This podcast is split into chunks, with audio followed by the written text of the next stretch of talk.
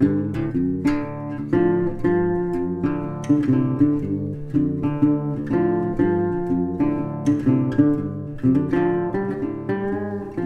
Finansal Özgürlükçüler yeni bir podcast'te karşınızdayız. Karşımda her zamanki gibi Yiğit var.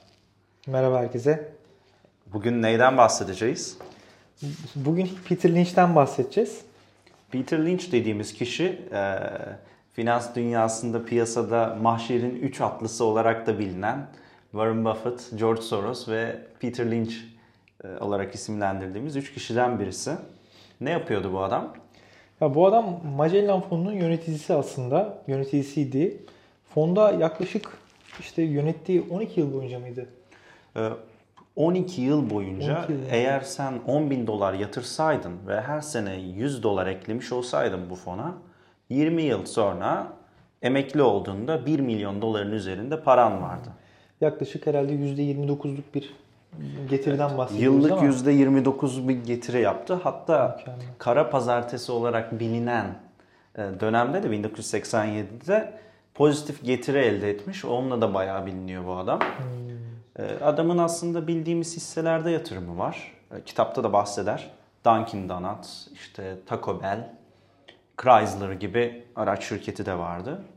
Onun dışında ilginç bir şirketten bahseder sürekli. Neydi o? Cenaze işleriyle uğraşan. ha, şirketin ismini unuttum ama doğru.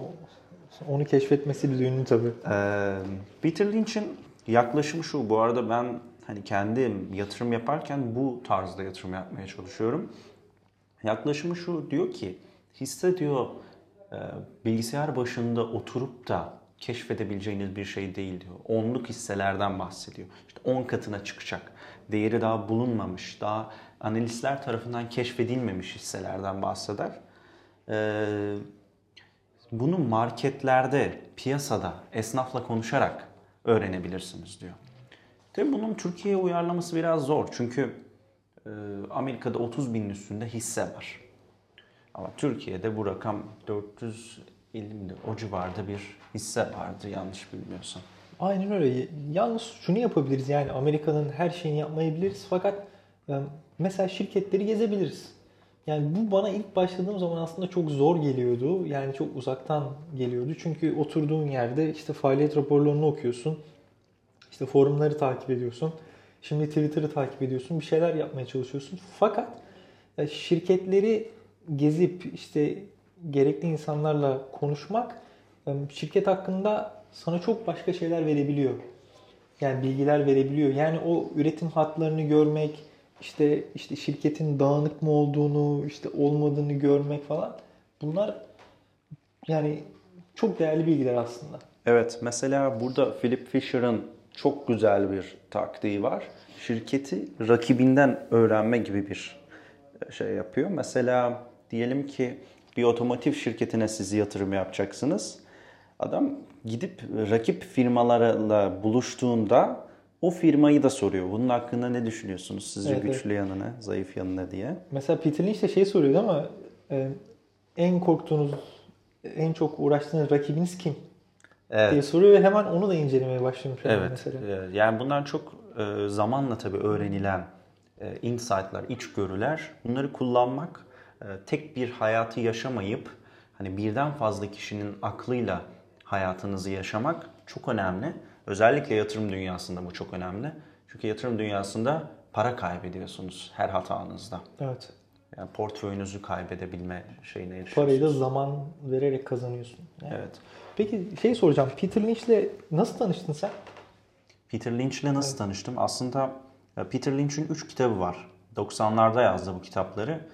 Ee, borsada tek başına e, kazanmayı öğren. Bir de e, neydi? Borsayı yenmek.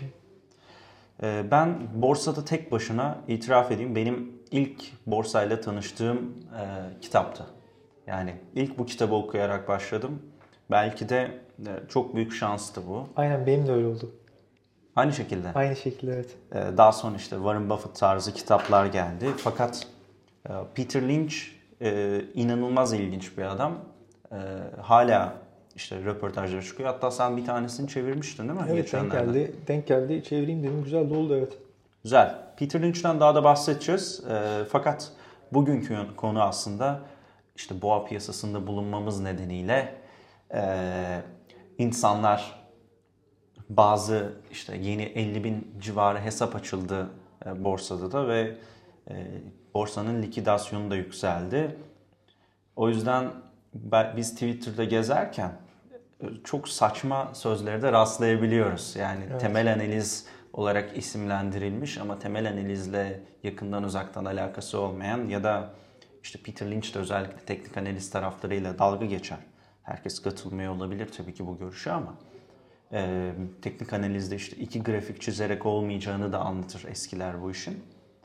E, o yüzden bugün hisse senedi fiyatı hakkında söylenen en saçma 12 söz üzerinde çalışacağız. Evet Peter Lynch'in e, Borsada Tek Başına Artı kitabından, isimli kitabından işte böyle bir bölüm var dediğim gibi. Şimdi bunun hakkında bir şeyler yapalım dedik. Ne o zaman, ilk sözü? Peter Lynch'in ilk sözü bu kadar indikten sonra artık daha fazla inemez. Bu yatırımcıların en fazla düştüğü hata olabilir. E, çünkü bir hisse yarı fiyatına indiğinde ne bileyim %60 değer kaybettiğinde ya da 6 liradan 2 liraya indiğinde burada bir sorun olmalı diyorsunuz. Önceden insanlar bu hisseyi alırken 6 lira ödüyordu. Artık 2 lira ödüyorlar. Tekrar 6 liraya çıkabilir diye düşünüyorlar. Sen buna dair bir şey yaşadın mı mesela? Şimdi bir tane yatırımcı vardı unuttum şimdi adını.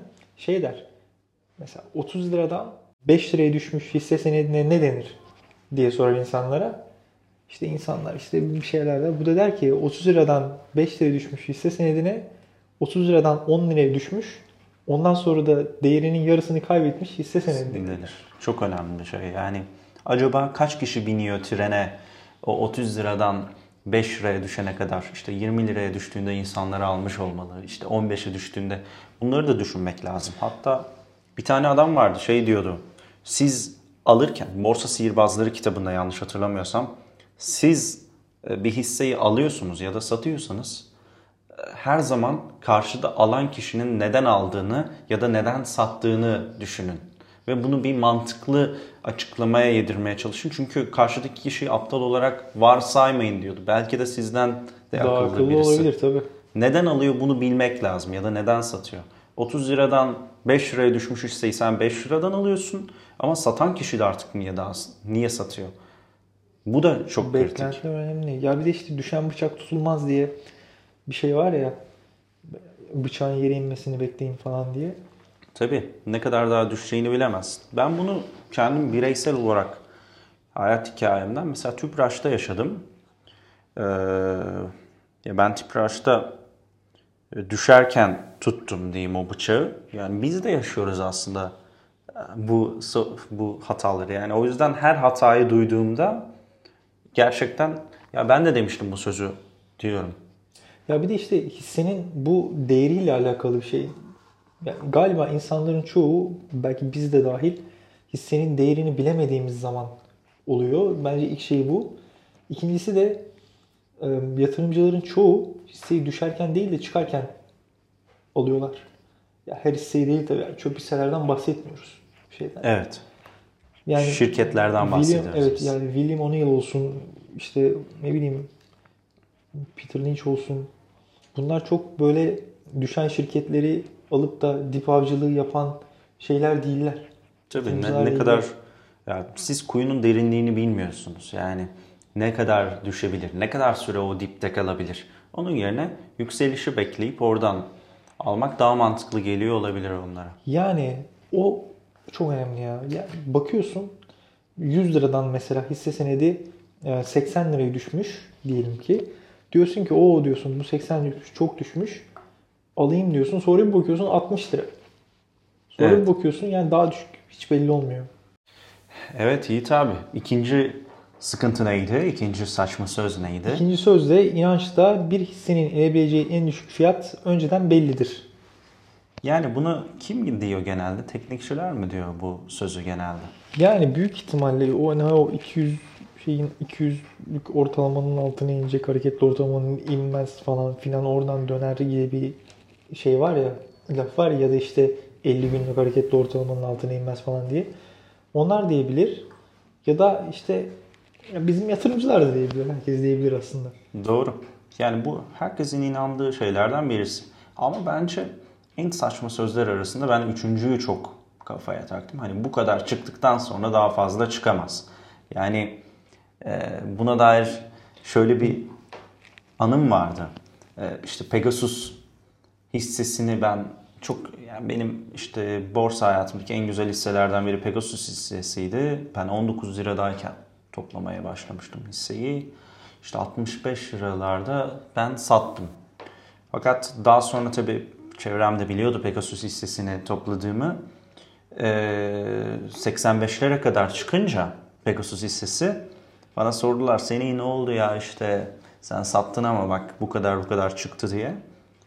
Ee, ben de şey diyorum her zaman hani insanlar siz bir şirketi kestirdiğinizde gözünüze ve de, veya değerinin yeteri kadar fiyatlanmadığını düşündüğünüzde işte bir deliliği tahmin etmiş oluyorsunuz. İnsanlar bu şirketi buna sat, bu fiyata satıyorlar. Gerçekten komedi olarak bakıyorsunuz.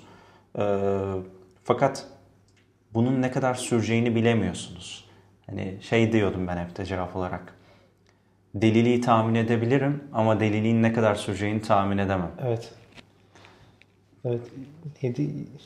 Newton'un sözüydü o? Evet. Battıktan sonra söyledi. Ve mesela Egean de bence bizim borsadaki en güzel örnek olabilir buna. Hani işte 200 lira, 300 lira kadar çıktı. Daha ne kadar çıkabilir diye birçok kişi trenden indi ama sonra İnenlerden biri de benim tabii. Evet. oradan da 600 liralara kadar tekrar Evet. çıktı. Yani şimdi ben aynısını Hektaş'ta yaşadım. Şimdi o aralar blog yazmaya da yeni başlamıştım. Bu e, Gordon büyüme modeli var. İşte sitenin verdiği temettülerle işte karlarıyla işte bugün indirgiyorsun falan filan. Senin değerini buluyorsun. Şimdi ben onu öğrenince şu dedim Hektaş'ı bir yapayım. İşte 3 tane senaryo yaptım. İşte birinde 5 lira çıktı değeri. O zamanlar 2,5 liraydı. Birinde işte 10 lira çıktı. Son yaptığımda da işte 15 lira çıktı değeri. 15 liraya baktım. Ulan dedim 15 lira nasıl olacak bu falan filan. Kendim de inanmadım yani. Tamam? Ondan sonra işte iş- gel zaman git zaman 15 oldu. Ondan sonra işte bölünmüş fiyatlarla işte düzeltirsen 20 oldu, 30 oldu falan filan. Yani ben tabii yavaş yavaş indim trenden.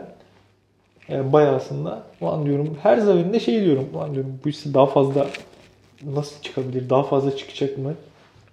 Ama bu bu bu kadar çıktıktan sonra daha fazla çıkamaz lafı e, tamamen bizim hissenin değerini hesaplamaktan uzaklaşmamızdan kaynaklanıyor. Aynen öyle. Yani sen hissenin eskiden büyümesini değerine katarken, karlılığını, yatırımlarını, her şeyi katarken o hissede belli bir süre kaldıktan sonra ve orada büyük bir değer elde ettikten sonra bunlardan uzaklaşmaya başlıyorsun yavaş yavaş ve panik havası işte diğer şeyler açgözlülük olsun, korku olsun bunlar girmeye başlıyor ve sanırım bize bu lafı bu söyletiyor. Aynen öyle. Yani siz e, giderek korkmaya başlıyorsunuz. Tabii korku işin içine dahil olunca siz proaktif davranacağınıza reaktif davranmaya başlıyorsunuz. İşte şirket hakkında çıkan aslında normalde baktığınızda önemsiz gelecek bir haber sizi korkutmaya başlıyor. E, en küçük düşüşte %5 hisse değer kaybettiğinde normalde umursamayacakken siz o şirketin ederini biliyorsunuz çünkü. E, inanılmaz korkmaya başlıyorsunuz. Bu gerçekten en tehlikelilerden bir tanesi. Aynen bir de şöyle bir şey var yani hissenin gerçek değerini hesaplarken hissenin büyümesini de işin içine katıyorsun. Aslında katman lazım. Ve büyüme işin içine girdi mi hedef fiyat kavramı da kalmıyor. Bir Evet. şeyde. Ama bu sefer e, zihin bariyeri oluyor ve yani zihninle ona bir hedef koyuyorsun. Böyle bir sıkıntı işte bu da. Peki diğer saçma söz olarak e, bu da çok kullanılan bir söz. Alt tarafı hisse başı 3 lira ya da özellikle aracı kurumların pazarladığı hisseler diyeyim. İşte e, alt tarafı 50 kuruş, alt tarafı 1 lira abi ne olacak sözleri çok popüler. Yani bu insanların sanırım yanıldıkları en büyük şey ya 1 lira da olsa e, 100 bin lira yatırdığın zaman 100 bin lira oluyor. 50 kuruşa düşse 50 bin liranı kaybediyorsun. Paranın yüzde işte 50'sini kaybediyorsun. Ya da hisse işte 2 liradan 1 liraya düştüğünde de aynı şekilde. Aynı parayı kaybediyorsun. Aynen 100 liradan 50 liraya düştüğünde de bir hisse aynı şekilde oluyor.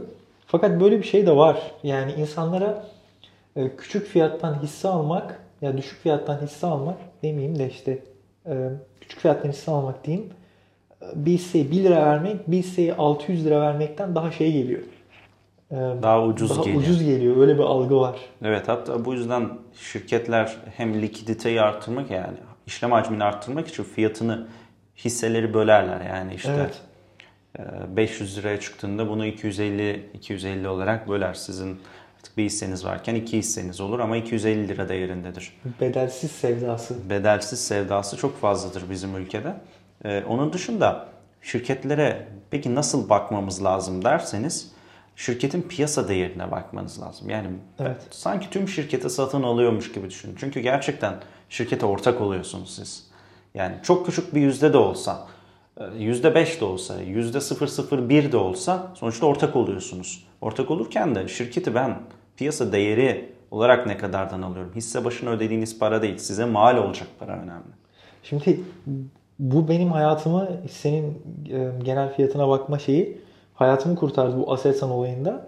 Ama insanlar da hiç e, bakmadığı için o 47'leri çıkmıştı ya Aselsan şeyden. Senin değerine baktım. O zamanlar Aselsan'ın 100 lira olacağı, 150 lira olacağı konuşuluyordu.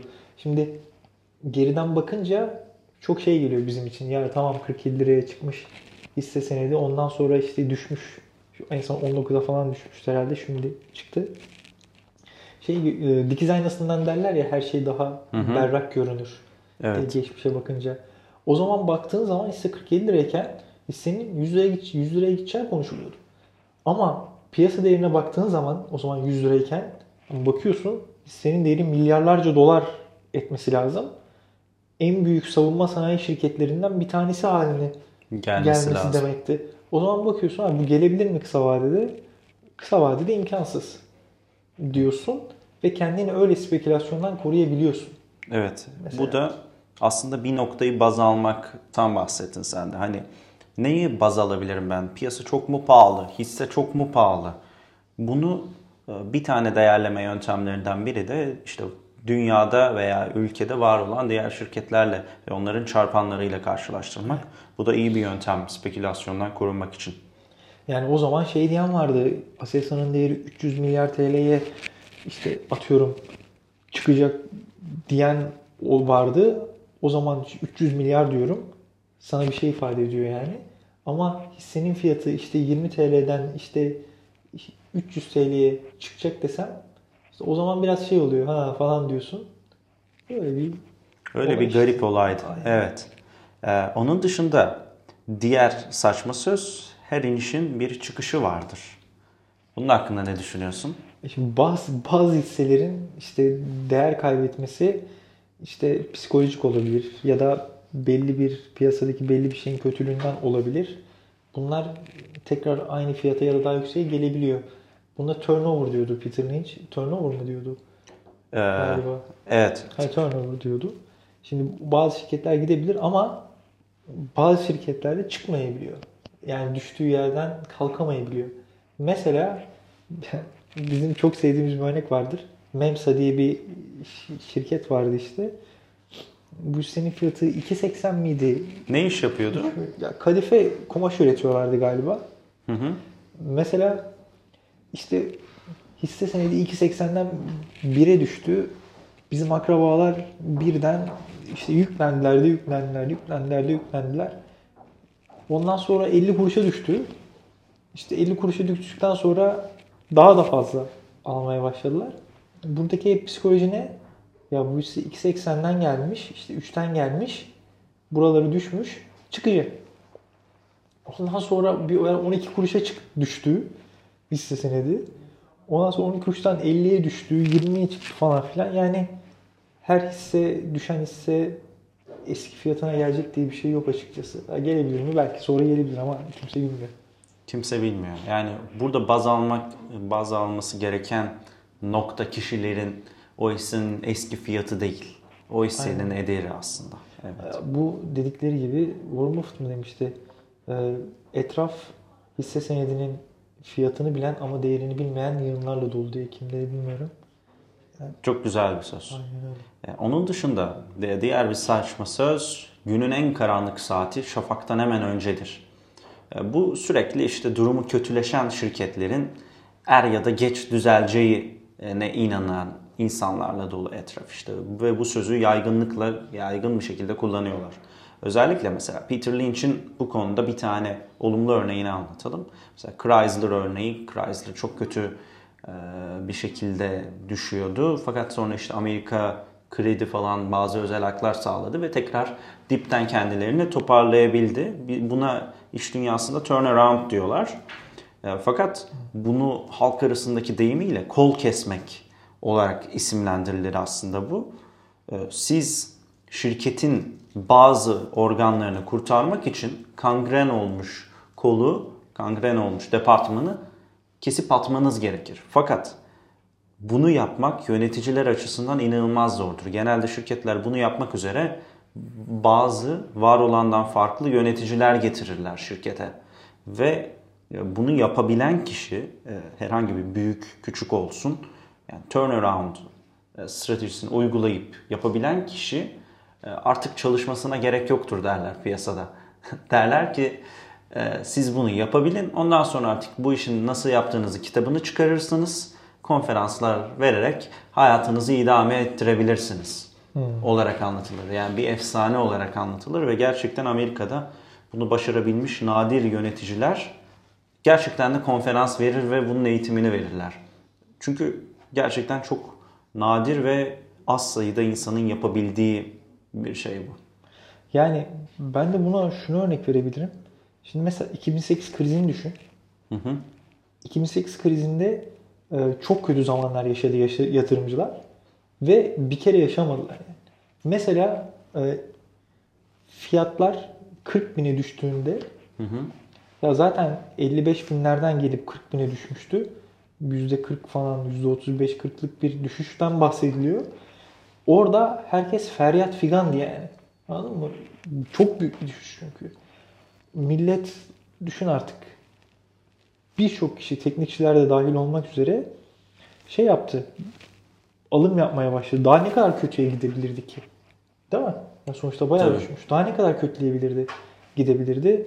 İşte iş- en karanlık şafağın yaklaştığı zaman olarak dediler.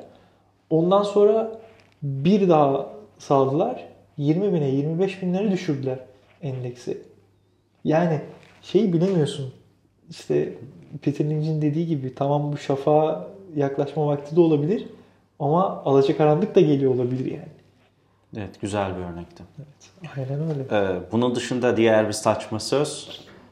Hisse 10 TL'ye çıkar çıkmaz sat. Abi benim maliyetim 10 TL. Ee, işte ben maliyetimin altına hisse satmam yaklaşımı. Ne düşünüyorsun abi bu konu hakkında? Ya şimdi bu da genellikle değer bilmeyip de e, fiyat odaklı işlem yapmak işlem yapmanın sonucu aslında. Şimdi 10 TL'ye geliyorsun satıyorsun ama hissenin değeri belki atıyorum 20 lira. Yani hedef değer vermek de saçma da. Ya da işte 30 lira nereden bileceksin bilemiyorsun. Birincisi bu. ikincisi de yatırımcılarda şöyle şey- bir şey oluyor. Ee, alıyorlar hisseyi. Doğru hisseyi alıyorlar. Fakat yanlış zamanla alıyorlar. Hissenin fiyatı düşmeye başlıyor. Düşüyor, düşüyor, düşüyor. Feryat figan panik. Ondan sonra 10 liraya satıyor onu ve psikolojik olarak rahatlıyor aslında. Sonra ise gidiyor. Onlar da rahatlamış ve ama para kazanamamış. kazanamamış oldu. Genelde de sattığınız günün ertesi günü yükselmeye başlar hisse genelde. Evet o çok garip ya. Gerçekten çok garip. Bu şey gibi trafikte şerit değiştirdiğinizde normalde akmayan şerittesinizdir. Duran akana geçtiğinizde e, bir bakarsınız sizinki durmuş yeni şerit. Eskisi akıyor. Sanki diğeri daha hızlı gidiyormuş gibi gelir. Ya bu arada teessüf ederim Twitter'daki arkadaşlara benimle dalga geçiyorlar. Bir ünüm olmuş benim. Benim sattığım hisseler iki katı çıkıyormuş. tamam mı? Ulan dedim nasıl oluyor öyle bir şey? Ama baktım harbiden sattığım çoğu hisse ikiye katlanmış. Bunu bana söylediğin iyi oldu. Ben Yani. de takip edeyim artık senin sattığın. Ters indikatör olarak hatta buna bir algoritma yazalım. Senin A- a- şeyini çıkaralım, indikatörünü çıkaralım. Evet. Latte'den borsaya indikatörü. Al deyince satın. Ee, onun dışında diğer bir saçma söz de şey var. Ya niye endişeleneyim ki sağlam hisselerin fiyatı zaten fazla oynamaz. Evet. Fakat burada anlattığın 2008 örneği çok güzel bir örnekti.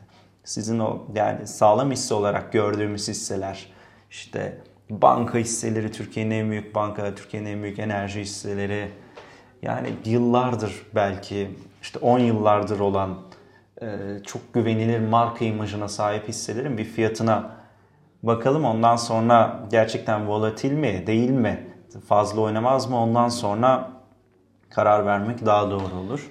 Aynen, aynen öyle. Yani sonuçta şirketlerin bulunduğu ortam e, dinamik yani. Sürekli gelişiyorlar, rekabet oluyor, işte ülke şartları değişiyor, dünya şartları değişiyor. Bu yüzden ben hep alıp unutmak yerine kendini yani hisse senedi yatırımcısının işte kendini güvende hissetmek gibi bir şey olmamalı. Hisse Anladım. senedi yatırımcısı sürekli öğrenmeli, sürekli kendini geliştirmeli ve gözü açık olmalı. Yani Afrika'daki bir ceylan gibi olmalıyız anlıyor musun biz? Anladım. Yani bizim öyle oturup da bir fil gibi işte şey gibi olma şansımız yok. Biz sürekli geliştirmeliyiz kendimizi yani. İzlemeliyiz şirketleri. Şimdi alıp unutmak güzel bir aslında hani e, mantalite gibi duruyor. Hani yapanlar da var, başarılı olanlar da var. Tabii bunu bir iki örnekle açıklayamazsınız. Fakat e, bir e, saçma söz daha var. Hani buna eleştiri olarak beklemenin sonu yok derler. Yani e, işte Peter Lynch e, bir hisseyi aldıktan sonra genelde 3-4 sene sonra kar edeceğini düşünüyordu. Ya Peter Lynch böyleymiş evet. Evet. Ama şöyle bir sıkıntı var. Burada da yani sen bir hisseyi alıyorsun. Mesela burada değerini biliyorsun. Aldın. Bekliyorsun. Ama hissenin ederine ne zaman geleceği belli değil. Özellikle şirket kar odaklı değil de işte mesela mal varlıkları olur falan filan bunlardan dolayı değer kazanmasını bekliyorsan bunu birinin fark etmesi gerekiyor. Ki Evet. bir yatırımcı bunu fark edecek, senden daha fazla para ödeyecek. Bu hisseyi almak için. Ha, bu hisseyi almak için senden daha fazla para ödeyecek. Ve bu fark edene kadar da beklemek biraz sıkıntı olabiliyor. Çünkü e, hiç kimse beklemezken sen bekliyorsun. Evet, belki boğa rallisi var piyasada. Herkesin hisseleri 2-3 katına çıkıyor yeni girenlerin bile.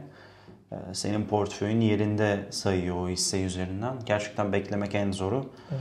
Ee, ve özellikle herkes kaçarken beklemek de zor. Yani diyelim tamam en azından hisse fiyatı sabit kalıyor senin anlattığın örnekte. Ya şöyle olsa hisse fiyatı %10 %10 sürekli dip yapıyor. Ee, insanlar bir nedenden dolayı kaçıyor. Bu virüs de olabilir, doğal afet de olabilir. Ya da hisse hakkında çıkmış kötü bir haberden de olabilir. Yönetim takımından dolayı da olabilir. O kadar çok risk var ki aslında. Yani aynen öyle. Burada şu da var yalnız. Şunu da şey yapmak lazım. Ya hisse kötüyse yani yanlış hisseyi aldıysan, kötü bir şirkete ortak olduysan orada beklemenin bir, anlamı alemi yok. Yani Evet. zaman sadece armutları olgunlaştırır sonuçta. Ne insanlarda ne hisse senetlerinde bu yaramıyor Tabii ki. bu şeyden. Ama eğer doğru hisseyi analizini yaptıysan, doğru hisseyi aldıysan orada beklemek e, gerekebilir. Hem gelişen hisselerde beklemek zor, Hı hı. hem de değerinde olmayan ve değerine gelmesini beklediğin hisselerde beklemek zor yani. İkisinde de. Şimdi küçük yatırımcılar ve şeyden bahsettik. Hani işte piyasaya yeni girenlerin daha yüksek kazanç elde ettiği boğa piyasalarından bahsettik. Ee, Burada e, uzun vadeli yatırımcıların ya da eskiden olan yatırımcıların işte çok sık söylediği söz var. Hatta bu sıralar Twitter'da da rastlıyoruz işte. Şu kaybettiğim paralara bak işte keşke o hisseyi alsaymışım. Bak şu hisse şu kadar gitti, bu hisse bu kadar gitti. Bizim banka hisseleri gitmedi.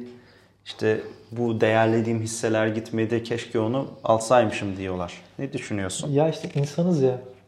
Yani onu da yeseydim, bunu da yapsaydım, şunu da yapsaydım, bunu da yapsaydım hep diyoruz. Ama yani bir ton hisse var, Bir ton fırsat var. bir ton fırsat var. Her fırsatı yakalayamazsın. Aynen öyle. Her fırsatı yakalayamıyorsun. Warren Buffett der ya herkesi öpemezsiniz diye. Evet. Yani böyle bir şey. Ee, Böyle düşünürseniz ya bilmiyorum sen ne düşünüyorsun ama böyle düşünürsen kafayı yersin. Kesinlikle. Kesinlikle bir an bile düşündüğümde işte hani diyelim bir şirketi inceliyorum. Ya bunu keşke ben daha çok şey derim hani var olan hisselerin yükselişi değil de ben iyi bir şirket bulmuşumdur. iyi değerlenmiştir. Bakarım 6 ay önceki fiyatından alsaymışım %30 e, güven aralığım varmış ama hisse zaten bu dönemde uçmuş. Ya keşke bunu 6 ay önce alsaydım diyorum. Bunu bu, bu e, saçma sözün as- aslında farklı bir versiyonunu söylüyorum. Fakat sonra aklıma işte Livingstone'un sözü geliyor. De- Demiş ya bana en çok kazandıran e, hisseler yerinde sıkı sıkı oturduğum hisselerdir diye. E, o sözü aslında söyleyip kendime rahatlatıyorum. Yani aynen öyle. Ee, Yani hiperaktif olursun. Öyle söyleyeyim sana. Kesinlikle. Bir de bu bakarsan yani başkasının kazandığı paraya bakıp da ölçmek yani başkası %200 kazanır. İşte sen %50 kazanırsın. Yani senin taktiğin böyledir.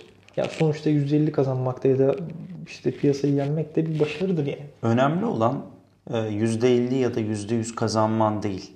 Önemli olan o %50'yi kaç sene boyu kazanabildiğin. Aynen. Yani en sonunda işin sonuna geldiğinde yıllık bileşik getirin senin ne kadar olmuş ve alım gücünün üstünde ne kadar para kazanmışsın. Gerçek kazandığın para odur. Yoksa bir senede %300 kar etmiştir. E, tamam olabilir. Ama bunu 10 sene yapabilirsen ya da işte 20 sene yapabilirsen Peter Lynch ya da Warren Buffett kadar efsane oluyorsun.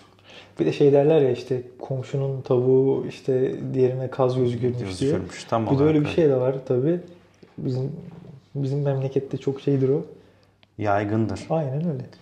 Ee, Diğer bir saçma söz, bu tren kaçtı bir sonrakini yakalarım.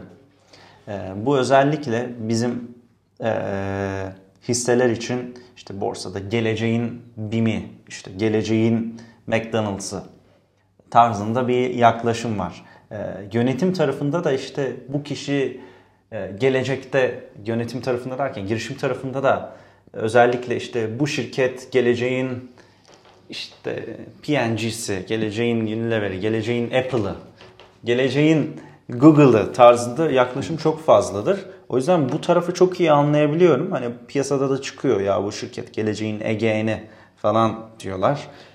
Mesela Fiyat Peter olarak. Lynch bunu çok tehlikeli buluyor. Öyle bir şey gör, duyduğunuz zaman kaçın diyor. Çünkü işte geleceğin BİM'i olacak. Ya BİM var zaten yani. Evet. Mesela diyelim ki işte ya da McDonald's, geleceğin McDonald's diyorsun. Kaç tane şirket öyle heba oldu. Tabii. Yatırımcılar da Diyor ya e, oldu. geleceğin McDonald's'ını alacağına şimdinin McDonald's'ını al diyor. aynen. Doğru bir- yaklaşım. Doğru. Diğer bir saçma söz de en sonuncusu aslında bu. Bu da çok yaygın. Hisse düşüyor, yanılmışım. Hisse çıkıyor, haklıymışım. Bu inanılmaz yanlış bir bakış açısı. Çünkü bir hissenin fiyatının artması ya da fiyatının düşmesi o hisseyi iyi ya da kötü yapmaz. O sadece e, o varlık için insanların o gün, o saatte, o hava durumunda, işte o psikolojide o hisseye ödedikleri fiyattır ve bu çok değişebilir. Yani Peter Lynch burada şey diyor. Mesela bir hisseni aldıktan sonra fiyatının artması ya da azalması yalnızca aynı mal için sizden daha fazla ya da daha az para ödediklerini ödeyen biri olduğunu Gösterir gösteriyor. diyor. Bu kadar basit. Yani çok da fazla anlam yüklememek lazım. Kısa vadede özellikle. Evet, beraber 12 saçma sözü söylemiş olduk. Özellikle bu gibi piyasalarda çok dikkat etmek lazım. Her hisse çıkarken işte eee, bu daha da fazla çıkmaz demeden önce bir düşünmek.